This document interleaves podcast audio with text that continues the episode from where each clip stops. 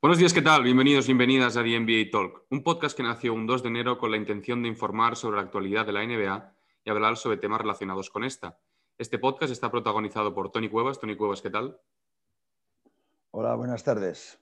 Y por mí mismo, Alex Lillo. Recordad que este podcast está dividido en dos partes, la primera donde repasaremos la actualidad de la NBA y la segunda donde hablaremos de un tema más profundo relacionado con la mejor liga del mundo. El tema del día de hoy es jóvenes y veteranos y estará narrado por mi compañero Tony Cuevas. Dicho esto, empezamos con la actualidad de la NBA. Y bien, empezamos hablando de malas noticias para Los Ángeles Lakers, porque su base titular, podríamos decir que es Dennis Ruder, eh, ha decidido no seguir con los Lakers, es decir, acabar esta temporada, pero probará ser agente libre en, el próximo verano, ha rechazado una oferta bastante millonaria de 84 millones por cuatro años. Y bueno, sin duda es una mala noticia para los Lakers, que tenían un base joven, un base anotador, un base del estilo que yo pienso que les encajaba, pero sin duda es una lástima y tendrán que buscar un sustituto. Sí, pero el esquema de los Lakers está claro, ellos sabrán lo que tienen que buscar, no hace falta con el equipo que hay actualmente mucho. Eh, ha de ser un base que esté entre Schroeder y Rondo. Bueno, eh, lo buscarán y encontrarán, si no un jugador pues, más Schroeder, será un jugador más Rondo. Pero será de un formato que estará entre los dos. Bien, veremos cómo acaba. Bien, y seguimos hablando ahora de los Denver Nuggets, que recordemos incorporaron en el pasado mercado de traspasos a Aaron Gordon. Y bueno, es que les ha ido del perlas. Los últimos tres partidos han ganado los tres. Y tengo un frío dato, como diría Guille Jiménez. Eh, son el mejor equipo eh, ofensivamente y defensivamente de la liga en cuanto al rating ofensivo y defensivo. Dato que demuestra que este equipo promete y que en playoff va a dar mucho que hablar y va a competir contra los más grandes. Bueno, ya aventurábamos que el fichaje de Aaron Gordon por los Denver era, era, muy bueno. Era mejorar a Gary Harris. Em, entonces, en un equipo que está bien montado como Denver, toda mejora brilla mucho. Se nota mucho.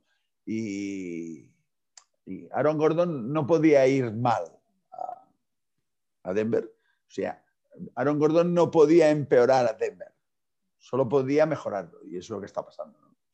Ah, buenas noticias para Denver y buenas noticias para la competición, porque aquí cada vez se apuntan más equipos al carro y equipos que hasta hace no tanto eran súper favoritos, ahora por las circunstancias del día a día, pues ven amenazadas sus supremacías. Pues sí, sí. Pero bueno, hay, más equipos que se han reforzado. Ahora vamos a hablar de Portland Trail Blazers, que incorporaron a Norman Powell a cambio de Gary Trent Jr. y de Ronnie Hood. Y ha empezado con buen pie, ha empezado con, bueno, empezó, su primer partido fue contra los Toronto Raptors, precisamente su ex equipo. Ganaron, eh, debutó con 13 puntos y 3 rebotes.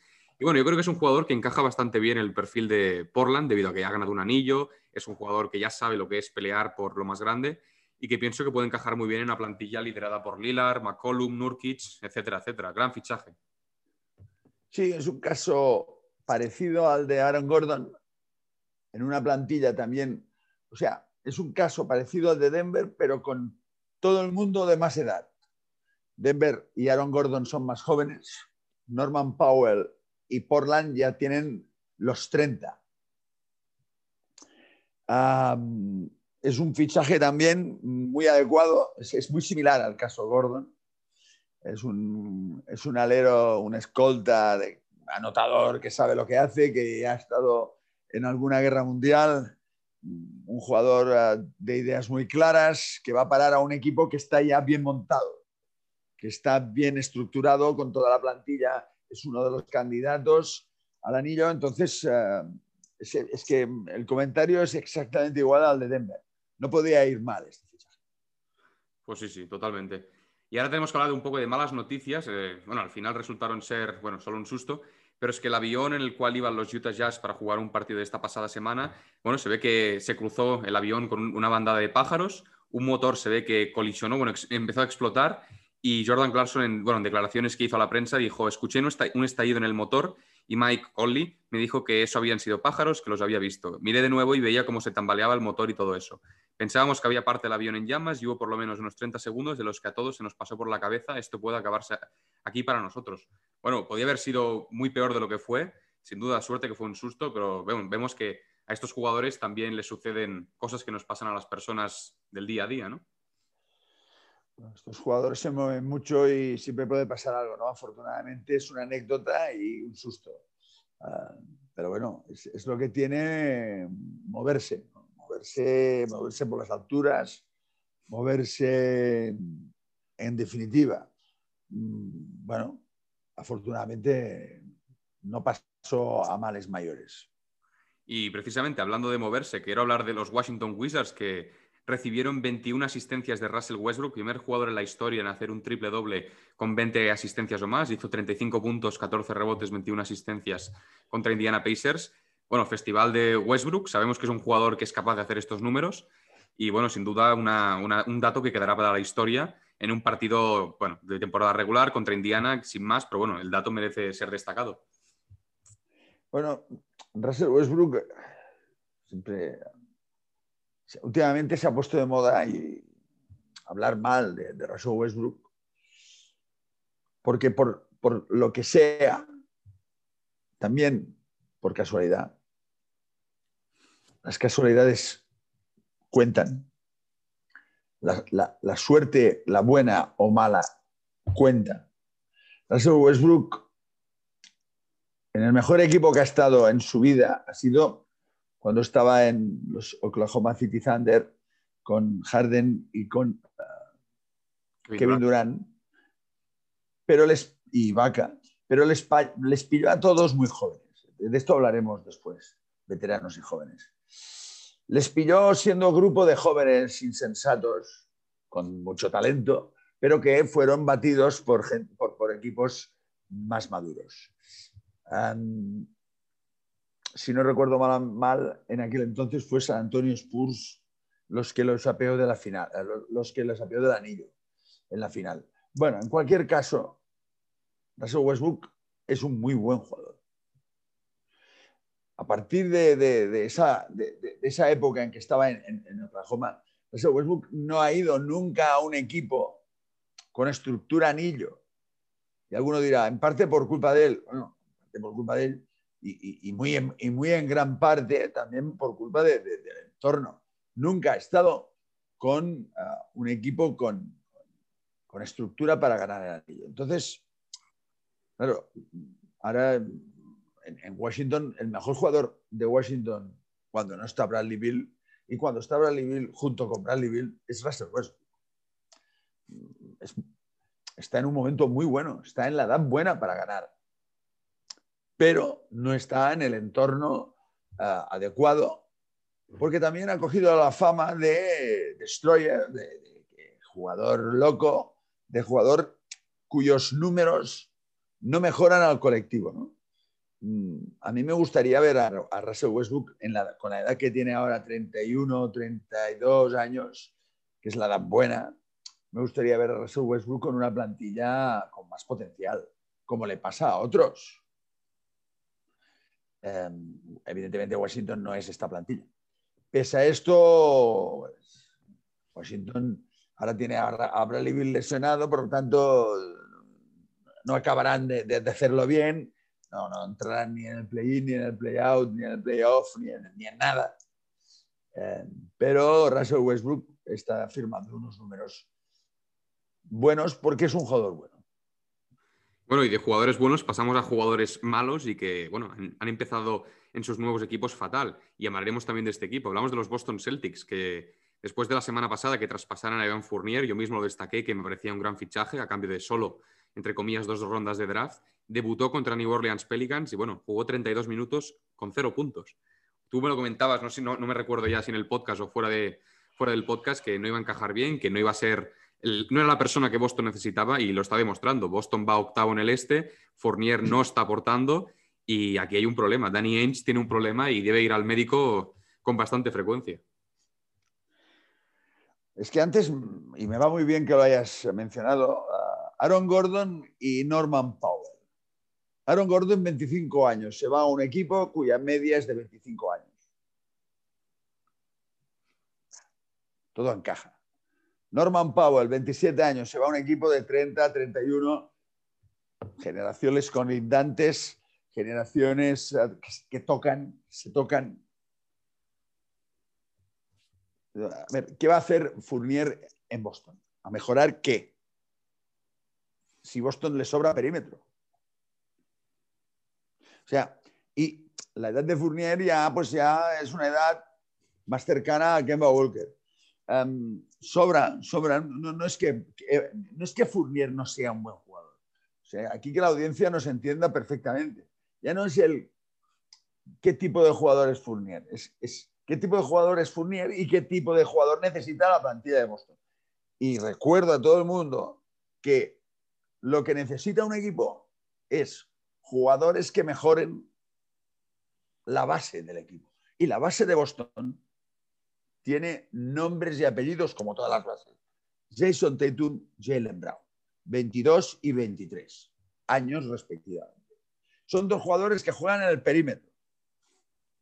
Todo el refuerzo de este equipo tiene que venir por especialistas debajo de los aros, por especialistas en la dirección y conducción de balón y especialistas físicos, defensivos, tal. Fournier no encaja en ninguna de estas demandas. No, conduce la pelota, no coge rebotes, no es duro defensivamente, debajo del aro no es una amenaza. O sea, es que no hace falta ser un doctor honoris causa para ver que este jugador no era el que hacía falta en Boston. Entonces, a partir de aquí, pues bueno, sí, haciendo partidos con... Habrá partidos que habrá, hará números, pero la pregunta es si va a mejorar Boston. Boston va a continuar renqueante, como hasta ahora, sufriendo, sufriendo. Afortunadamente otros equipos lo hacen bien. Entonces, eh, la mala noticia para Boston es esto, que otros equipos lo hacen bien y están en el octavo puesto de la clasificación del este. Cuando nadie los ponía allí. Claro, tenías en cuenta los dos, tres últimos años y a Boston lo pones pues entre los tres, cuatro primeros del este como mínimo. Entonces, bueno, y si encima el refuerzo es Fournier, pues es que no hace falta ser un, entendido en esto para ver que no, que, no, que no vamos a mejorar con, con, Fournier. Sí, sí, y bueno, ahora quería hablar de. La semana pasada comentábamos que se lesionó la Melo Ward para los Charlotte Hornets. Tú decías que no se va a notar mucho su baja debido a que otros jugadores iban a subir, y precisamente ha sido así. En el primer partido que jugaron sin él, contra los Phoenix Suns. Eh, bueno, Devonte Graham, que precisamente también lo habíamos mencionado en este podcast debido a su bajo rendimiento, emergió como líder, metió 30 puntos con unos triplazos para enviar el partido a la prórroga fundamentales y bueno, demostrando que este equipo sin la Melo Ball puede subsistir, puede seguir ganando partidos, puede seguir dando guerra. Pero bueno, simplemente quería comentarlo, que el buen rendimiento de Graham, que lo habíamos criticado, pero ahora lo queremos alabar, 30 puntos el chico. Bueno, pues sí a veces las predicciones no se cumplen, pero cuando nosotros hablamos, hablamos del sentido del juego, del sentido común del baloncesto. Y lo diré después en el tema de hoy. Los jóvenes tienen una incidencia más de cara a la galería que una incidencia real en el juego de un equipo. Un joven es una ráfaga de aire fresco. Si Charles Hornets depende de la Melo Ball, Charlotte Hornets no puede ir a ningún sitio. Pero afortunadamente para Charlotte, la Melo Ball es un aire, es una alenada, es un, chorro de aire fresco. Pero Charlotte Hornets tiene otros jugadores mucho mejores que la Melo Ball en estos momentos, como son Gordon Hayward, que por cierto creo que se ha vuelto a lesionar. Ah, esta es una más mala noticia. Terry Rozier, que ese es el típico jugador que no se habla de él estaba en Boston, le recuerdo a algunos, este tío estaba en Boston.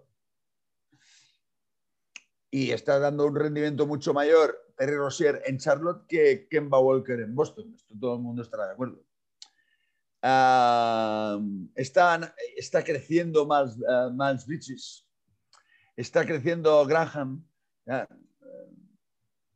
mira, Charlotte, si, fichara un, un jugador interior mm, importante, es candidato al anillo. Pero así de claro.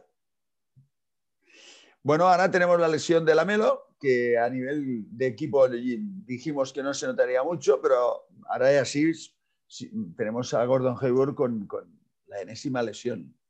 No, sabemos cuánto tiempo va a estar fuera, pero esta es una lesión que sí que se va a notar. Entonces, bueno, eh, los jóvenes son proyectos, no son realidades. Y las realidades de un joven son anécdotas. Hay excepciones, pero esto es una regla general. Y ahora que has mencionado el tema de candidatos al anillo, Brooklyn Nets, hemos hablado un montón de veces en este podcast, y es que tengo otro frío dato que han ganado los, los primeros 20 de 23 partidos que han empezado jugando esta temporada. Un dato, bueno, que asusta. Eh, aún no han, no han, jugado los cinco juntos, eh, James Harden, Kyrie Irving, Kevin Durant, Lamarcus Aldridge y Blake Griffin, pero es que faltando dos o incluso tres piezas de este Big Five, han conseguido ganar partidos de mucho mérito y bueno, ya te lo he dicho un montón de veces, miedo me da cuando estén los cinco y miedo les da toda la NBA que, se, puede salir de una pista de baloncesto con estos cinco tipos jugando. Sí, pues es que, es que dan miedo. Y de hecho el fichaje de, de Lakers, el fichaje de Andre Drummond por los Lakers se, se, suscribe en, dos claves. Clave, Margasol no, no funciona y clave, miedo me da. Miedo me dan los Nets, miedo me dan los rivales. Denver que está mejorando, los rivales que tienes en tu propia conferencia. Portland se ha mejorado mucho. Los Clippers se han quedado igual, pero son los Clippers. Claro, los Lakers se están poniendo nerviosos y en el este, en el este hay, hay, hay, hay como, como con la película del Señor de los Anillos, hay, hay una oscuridad que está creciendo, que se llama New Jersey Nets, Brooklyn, perdón, Brooklyn Nets. Los Brooklyn Nets dan miedo. Dan miedo. Están ganando cuando falta casi todo el mundo. Están convirtiendo en oro todo lo que tocan. No quiero volver a repetir los jugadores que están rindiendo. De Andrés Jordan parece bueno. Jeff Green, que estaba olvidado. Um, el tirador, que no me acuerdo ahora cómo se llama. El... Landry Shamet, Bruce Brown. Shamet, que estaba defenestrado. Todos estos jugadores están brillando. Gente que no sabíamos su nombre, Bruce Brown. ¿Quién es este tío? Y es fantástico. Y después están los buenos, los, no los buenos, los innombrables.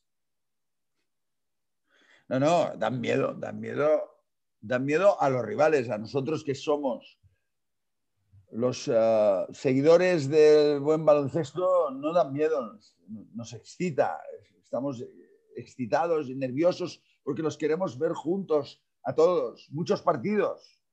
Los quiero ver andar, los quiero ver hablar, aunque no jueguen, los quiero ver de lo buenos que son. Y, y si todo el mundo está sano, son máximos favoritos al anillo sin ningún tipo de dudas, junto con los Lakers. Si todo el mundo está sano y bien. A partir de lesiones, entonces ya, ya veremos lo que queda cuando llegas al final. Entonces, uh, los Nets se han acostumbrado a ganar, parece que solo saben ganar y esto es muy difícil. A ver si va a parecer que es fácil. Es muy difícil. Los que son muy buenos. Y precisamente hablabas ahora de los Lakers, de Margasol. Bien, salió en rueda de prensa a decir que, bueno, viendo el fichaje de Andre Drummond por Los Ángeles Lakers, él asumía que a partir de ahora será el plan C o incluso plan D en un equipo que recordemos que ya tiene como hombres interiores a Andre Drummond, eh, Montres Harrell y él mismo, Margasol. Bueno, es totalmente normal, ¿no? Margasol, un tipo que ha llegado a jugar 35 minutos de titular y que esos números pues no han estado a la altura. Gran parte de, del, bueno, del motivo por el cual los Lakers han fichado a Andre Drummond es por eso. Y bueno, no sé cómo acabará la temporada de Margasol, incluso si la acabará en la NBA y con Los Ángeles Lakers. Pero bueno, es, es así, la vida es dura y Andre Drummond ha demostrado mejores números que Margasol esta temporada. Bueno, va ligado con lo que decíamos antes, los Lakers, por lo que sea, notan que, que les falta munición y Marc Gasol no ha, no aportado nada. Dejémonos estar de, de discursos de compatriota. Um, Margasol, eh, la aportación de Margasol era extremadamente insuficiente. Y no nos vale el rollo de, no, que es un jugador de equipo, que, que la pasa muy bien. No, esto, esto es insuficiente. Esto es insuficiente. Si quieres ganar el anillo. Qué bien, qué suerte que tenemos que sea insuficiente. Entonces, claro, has tenido la oportunidad, ha, disfrutado de muchos minutos en los Lakers y sus números no. Ya decíamos que sus números eran pobres. Entonces, claro, en el este está creciendo una oscuridad. En el oeste también, los Lakers. Hay lesiones, hay que se ponen nerviosos y se les ha puesto a tiro Dramón y es un gran fichaje, claro. Es un gran fichaje porque añade artillería. Añade artillería igual a, bueno, las dos mejores plantillas son sin duda Lakers y, Nets. Eh, bueno, a ver qué pasa. Sí, sí, totalmente. Quería hablar también de un equipo que empezó hace un par de años, lo ganaba todo, era, estábamos acostumbrados a verlos ganar día sí, día también, y ahora es todo lo contrario. Los Warriors perdieron la pasada madrugada contra los Toronto Raptors por una diferencia de 53 puntos. Más allá del resultado, quiero destacar positivamente el buen nivel de Gary Trent Jr., que tuvo un más menos de más, de más 54. Es un récord histórico desde hace un montón de años para un jugador que yo pienso que encajará bien en Toronto, ya tiene una madurez importante, ha jugado bastantes partidos en Portland, la burbuja, metió 24 puntos en este partido. Y estos Raptors, bueno, están un poco en semi-reconstrucción, diría yo, pero bueno, la incorporación de Gary Trent Jr. y de Rodney Hood eh, mola, mola para un equipo que veremos cómo, qué, destino quiere coger para los próximos años. Bueno, Toronto lo has dicho, no, una semi, no, una reconstrucción. Los nuevos jugadores de los Raptors tienen que ser eh, Van Siakam, Gary Trent, Brucher. Todos estos son los jugadores de, los nuevos jugadores de, los Raptors. Y tenemos que decir adiós Kyle Lowry tarde o temprano. Norman Powell ya ha marchado. Marchó en su momento Margasol. Bueno, eh, es una reconstrucción, sí. Es una reconstrucción y todas las reconstrucciones son duras. Son duras porque el nivel es muy alto. Aquí, no te dejan, no te dejan que la reconstrucción sea placentera. La reconstrucción es a base de hostias. Y no te equivoques con la reconstrucción. Y lo digo así porque hay un error en esta reconstrucción grave, que es Pascal Siakam. Ya lo dije en su momento. Lo dije cuando lo renovaron a precio de superestrella. Pascal Siakam es un buen jugador y punto. Entonces, si tú reconstruyes y las bases de tu reconstrucción están sobre cimientos de azúcar, el edificio que estás montando se cae. Y Pascal Siakam no puede ser jugador franquicia de Toronto. Bueno, perdón, rectifico. Pascal Siakam no puede ser jugador franquicia de Toronto si Toronto busca ser candidato al anillo. Si lo que busca es ir deambulando por el mundo recibiendo más que dando, pues entonces ya está bien. Pero Pascal Siakam es un jugador, es un ejecutor, eh, no diré del montón, porque tendría que pedir perdón, pero es un ejecutor correcto, bueno, ya está, pero nada más. Sobre él no puede descansar la dirección de nada, el liderazgo de nada. Entonces, claro, Toronto está en reconstrucción, pero que no se equivoquen. ¿eh? Bueno, y un equipo que precisamente no está en reconstrucción, sino que busca ganar el anillo, son los Utah Jazz, primeros en el oeste, 38-11 de balance, y es que tienen, llevan 21 victorias consecutivas como locales, no han perdido ningún partido en este año como locales. Bueno, este equipo veremos cómo llega a playoff, pero sin duda están haciendo una temporada regular de ensueño para enmarcar, con, un grupo de jugadores muy colectivo, aparte de Donovan Mitchell, que podría ser su gran líder, los demás son jugadores buenos de equipo, entre 10-15 puntos por partido, pero sin duda merece destacar el gran rendimiento que están teniendo estos Utah Jazz comandados por Quinn Snyder. Sí, es un equipo coral, un equipo homogéneo, con asterisco. Homogéneo, asterisco, es tu máxima estrella tiene 23 años. O 22, no me acuerdo, es igual. 22, 23 años. Aquí, este es el punto más débil de todo esto. El, mejor jugador, tu jugador franquicia, Donovan Mitchell, es muy joven. Y la NBA no está para jovencitos, lo diré después. Está para jovencitos para que salgan en los highlights, pero no para ganar anillos. Bueno, pues eh, nuestra, nuestra predicción es que Utah va a pinchar en playoff.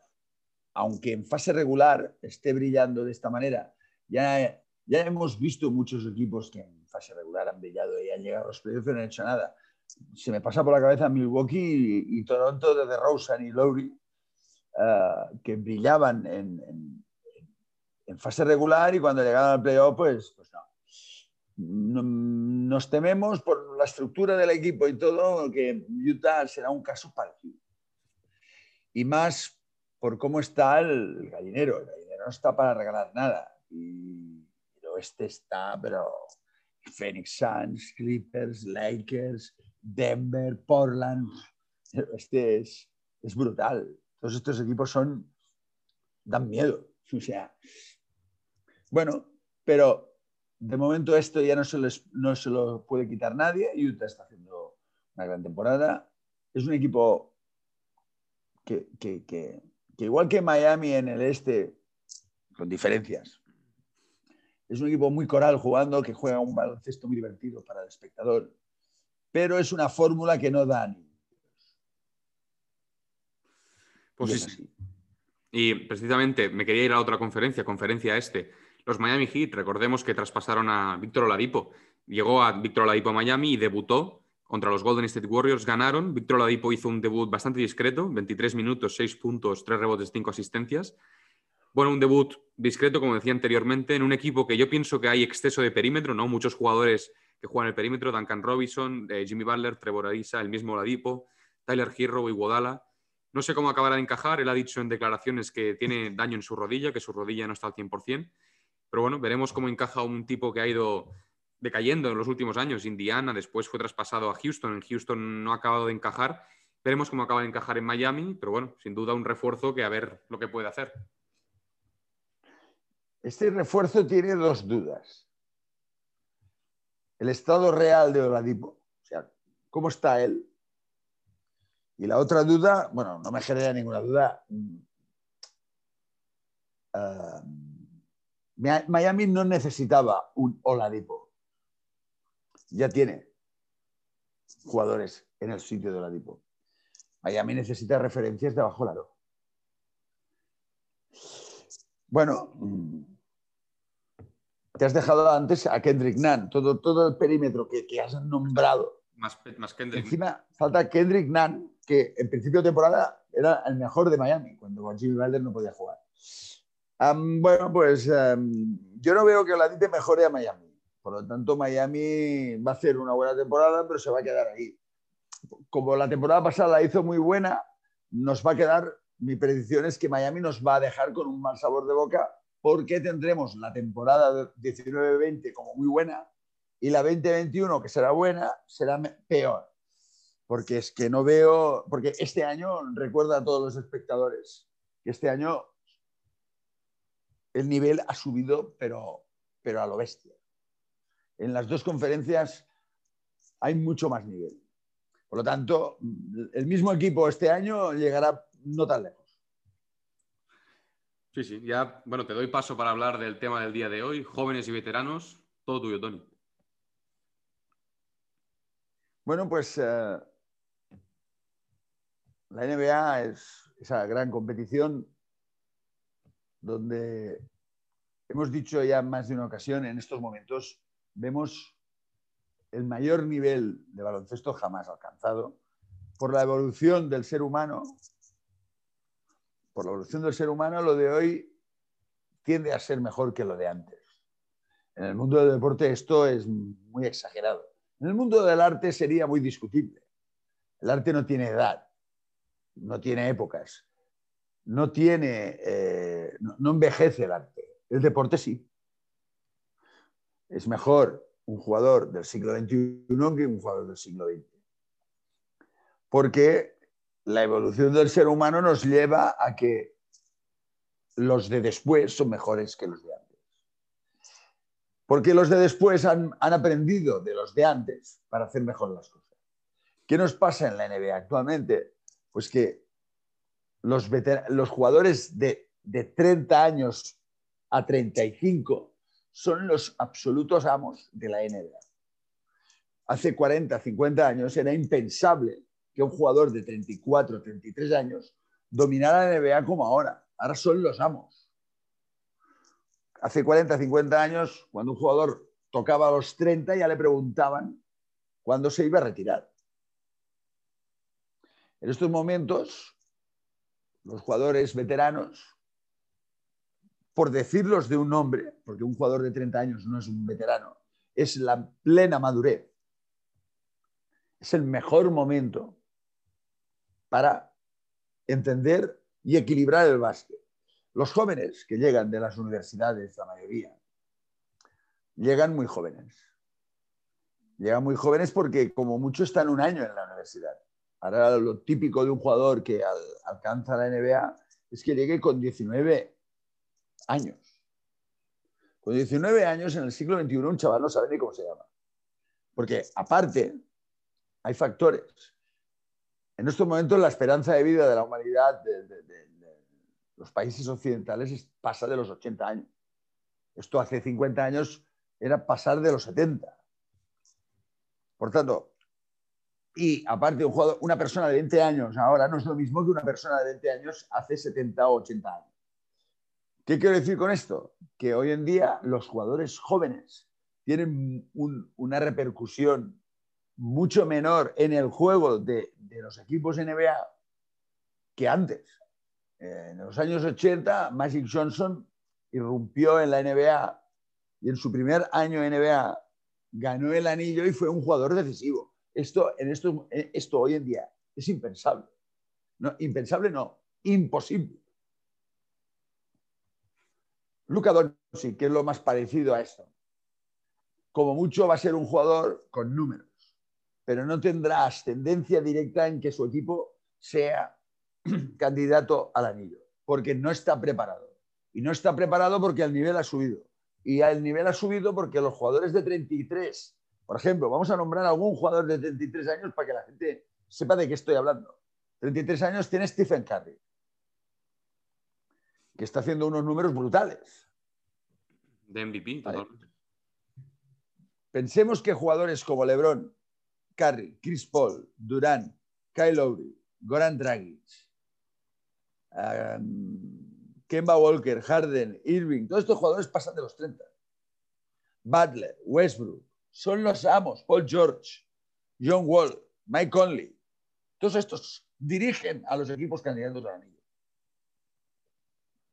Después están los superveteranos como la Marcus, Horford, Millsap, Blue Williams, Iguadala, Rudy Gay, que son Rondo, que son veteranos, son mayores, y ejercen como tales y, sus entrenadores confían más en ellos que en jugadores de 25 años. Porque hoy en día el jugador se cuida más, tiene preparadores físicos personales y, y llegas a esta edad con un físico en mejores condiciones y con una mente perfecta. Ves el básquet en colores. ¿Y por qué piensas que se cuidan más? ¿Solo son las nuevas tecnologías, nuevas metodologías de entrenamiento o simplemente por decisión de los propios jugadores? porque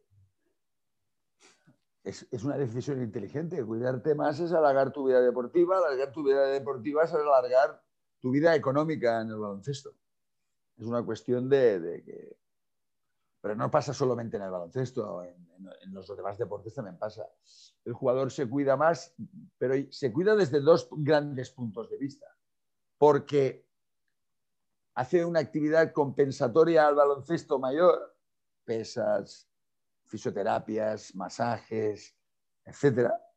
Y porque la alimentación, tradicionalmente, y no es, no es una leyenda urbana, el jugador americano se ha mal alimentado. En América se come muy mal. Eh, los jugadores de hace 40 años se hinchaban hamburguesas. Ahora LeBron James las hamburguesas las ve en fotos. LeBron James sigue una dieta escrupulosa, es un tío con una disciplina sin precedentes. Y esto junto con su genética hace que con 36 años pues, sea lo que, lo que vemos, ¿no? Un, tío imparable. Y yo tengo otro ejemplo para nuestros oyentes. Chris Paul dijo hace un par de All-Stars o tres All-Stars, se había vuelto vegetariano y dijo que era la primera vez en toda, en toda su carrera deportiva que no se, tenía, no se había puesto hielo en las rodillas en ningún partido de la temporada regular. Chris Paul, un tío con 34 años. ¿eh? Jugando el mejor básquet de su vida. Es, un sabio de este deporte. Por lo tanto, ¿qué pasa en la NBA actualmente? Que los jóvenes entran. Entonces, ¿qué pasa? Primer comentario. Es que los jóvenes que suben no, no tienen la importancia de antes no les dan las oportunidades que les daban a los jóvenes de antes. Este comentario lo has oído, Alex, en algún sitio. Totalmente, totalmente. Bueno, pues la verdad de esta frase es que los veteranos, y digo veteranos para poner un nombre, los jugadores de más edad son mejores que los de antes. No están acabados. Al contrario, con 30 años se acaba de empezar. Con 30 años empiezas a jugar bien a baloncesto por ejemplo, hoy he escuchado viendo Washington Wizards jugar contra Dallas, comentaristas. Robin López está jugando el mejor baloncesto de su carrera. Robin López, 33 años. Brook López. Los mejores años de Brook López, los últimos dos, tres. Esto nos lleva a decir primero a los jóvenes, decir, tened paciencia, trabajad duro porque tenéis que evolucionar aún mucho con el baloncesto. Con 33 se juega mejor que con 23, que nadie lo dude. Y más ahora que la gente se cuida, se cuida mucho. Y esta gente con unos físicos privilegiados, pues ah, vemos que los equipos que definimos como candidato al anillo están compuestos por jugadores, sobre todo, que tocan los 30 y que pasan de los 30. Joe Ingles, tú ves a jugar a Joe Ingles y ves una enciclopedia de baloncesto. 33, 32 años. Claro. Ves jugar a Anthony Edwards de Minnesota, porque claro, todos los números de draft van a parar en los equipos que están abajo. los jugadores jóvenes, la mayoría de los equipos liderados por jugadores jóvenes, están abajo de todo. Trey Young, Atlanta, ahora está subiendo porque se han reforzado el, contexto de, Trey Young. Uh, Jamoran, muy joven. Bueno, vamos, venga, Memphis. Zion Williamson y Ingram, aún no se enteran tienen muy buena pinta, pero no tienen nada que hacer cuando jueguen con, las plantillas bien armadas de jugadores de 30 años. Cuando hablamos de Denver, decimos, ostras, Denver, qué bien. ¿Le falta algo? Sí, dos años. Sí, sí. Le faltan los 27, 28 años, los 29, claro. por um, Los Ángeles Lakers el año pasado, el único juego joven que tenía Lakers el año pasado es Kyle Kuzma. Todos los demás, 30. Anillo. Entonces, eh, esta relación entre los muy jóvenes y los veteranos es, es, más, es más extrema que nunca porque eh, los jóvenes son anécdotas, buenas anécdotas en muchos casos. La Melo Ball está en la boca de mucha gente, sí, la Melo Ball ahora es una persona de highlights, no de realidad competitiva. Como realidad competitiva, la Melo Ball y todos los de su edad son como hojas en el otoño que cuando hace viento se mueven mucho. Aún no son jugadores sólidos. De todos los jóvenes, el más sólido es Luka Doncic. El más sólido, el más veterano de los jóvenes. El que juega más como un veterano de todos los jóvenes es Luka Doncic porque estamos delante de un jugador muy precoz, con cadete de, primer y segundo año y era el jefe de junior del Real Madrid. y como junior de primer año era casi el, jugador el, que Lasso le dio las llaves del Mercedes del primer equipo. Estos jugadores como Luca Doncic, que tienen la edad que tienen, que tiene 21 o 22 años, Luca, el, peligro que tiene es que cuando lleguen a los 30 ya no, no puedan mejorar, ya, ya estén de capa caída. Esto es un riesgo muy grande. Ha pasado.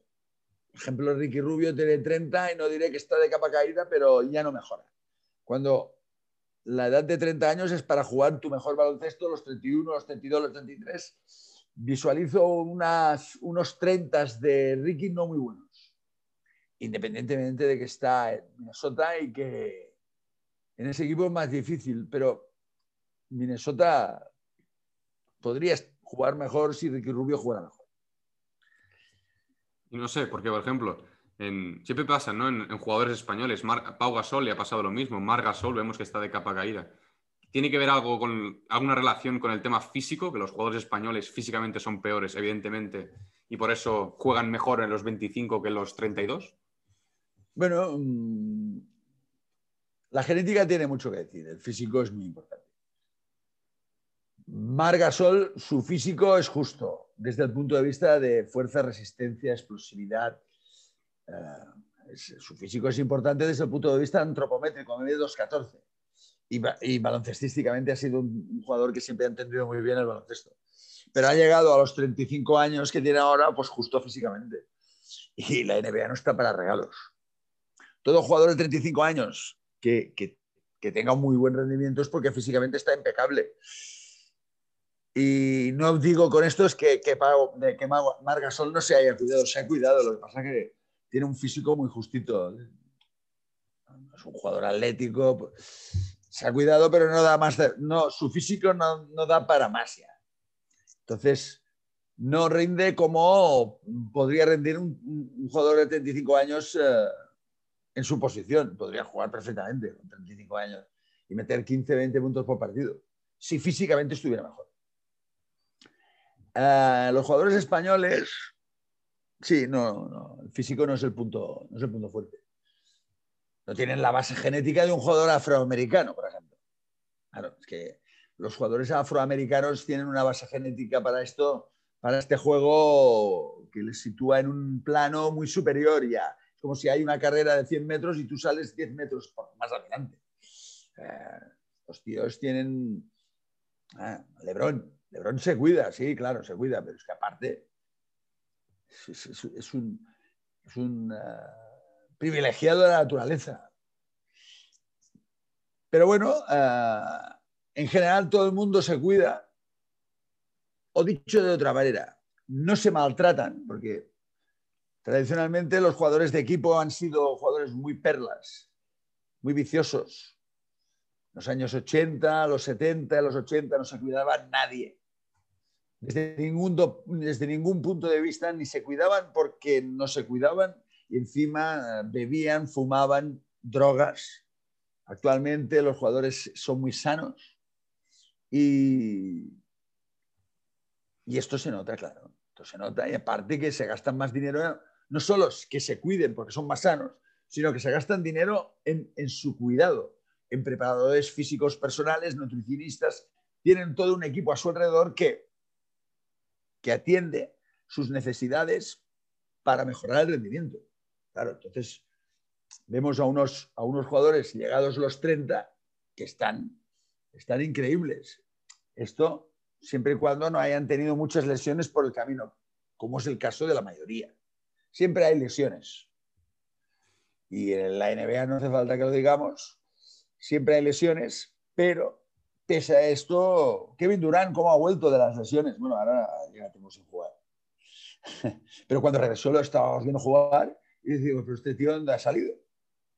Bueno, pues claro, es que hay las técnicas de recuperación eh, cuando se opera un jugador de la rodilla, no es lo mismo que hace 40 años que te, hacían aquella raja en la rodilla que se te veía toda la vida. Ahora te operan de la rodilla y se nota las recuperaciones son mucho más buenas, el jugador se cuida mucho más y casi en muchos casos ni se nota que has tenido una lesión grave. y esto es una ventaja clara para los espectadores. Podemos disfrutar de estos jugadorazos un montón de años más. Sí, porque eh, vemos a Zion Williamson con 20 años y a LeBron James con 36 enfrentándose de poder a poder. Claro. Se, alarga la vida de todo el mundo, coinciden más, más bestias. El nivel sube. El nivel sube, pero... Y cualquier equipo tiene motivos para, para que tengas ganas de verlo. Por ejemplo, pongo el caso una vez más de Minnesota. Yo cuando me dicen, hoy ponemos a Minnesota, ven la clasificación, el peor equipo de NBA, tiene a Anthony Edwards, que es un jugadorazo que no está preparado para nada aún, pero para hacerme disfrutar a mí sí que está preparado. Claro. O ves a Jamorán porque ves a Memphis porque sabes que hay Jamorán, Jared Jackson Jr., que aún no lo hemos podido ver por, las lesiones. Todos los equipos tienen jugadores jóvenes, apasionantes, eh, ilusionantes, proyectos que no están para, para, a la hora del playoff, todos estos jugadores van a desaparecer del mapa. Va a ser como el viento que se lleva todo el polvo. Los jugadores jóvenes llegan a los playoffs y desaparecen del mapa. Y si hay alguno que brilla en playoff, entonces estamos hablando de, algo serio, pero es paradigmático que aparece el playoff y entonces llega el momento de los Rondo y compañía. Llega el momento de las superestrellas, no hace falta que las nombremos, que todas pasan de los 30, de 30 para arriba, los que dominan la NBA, los jugadores jóvenes dan un paso al lado, como queriendo decir, ahora se nos ha acabado el rollo a nosotros, es vuestro momento, me voy a preparar para poder llegar a un playoff y ser protagonista.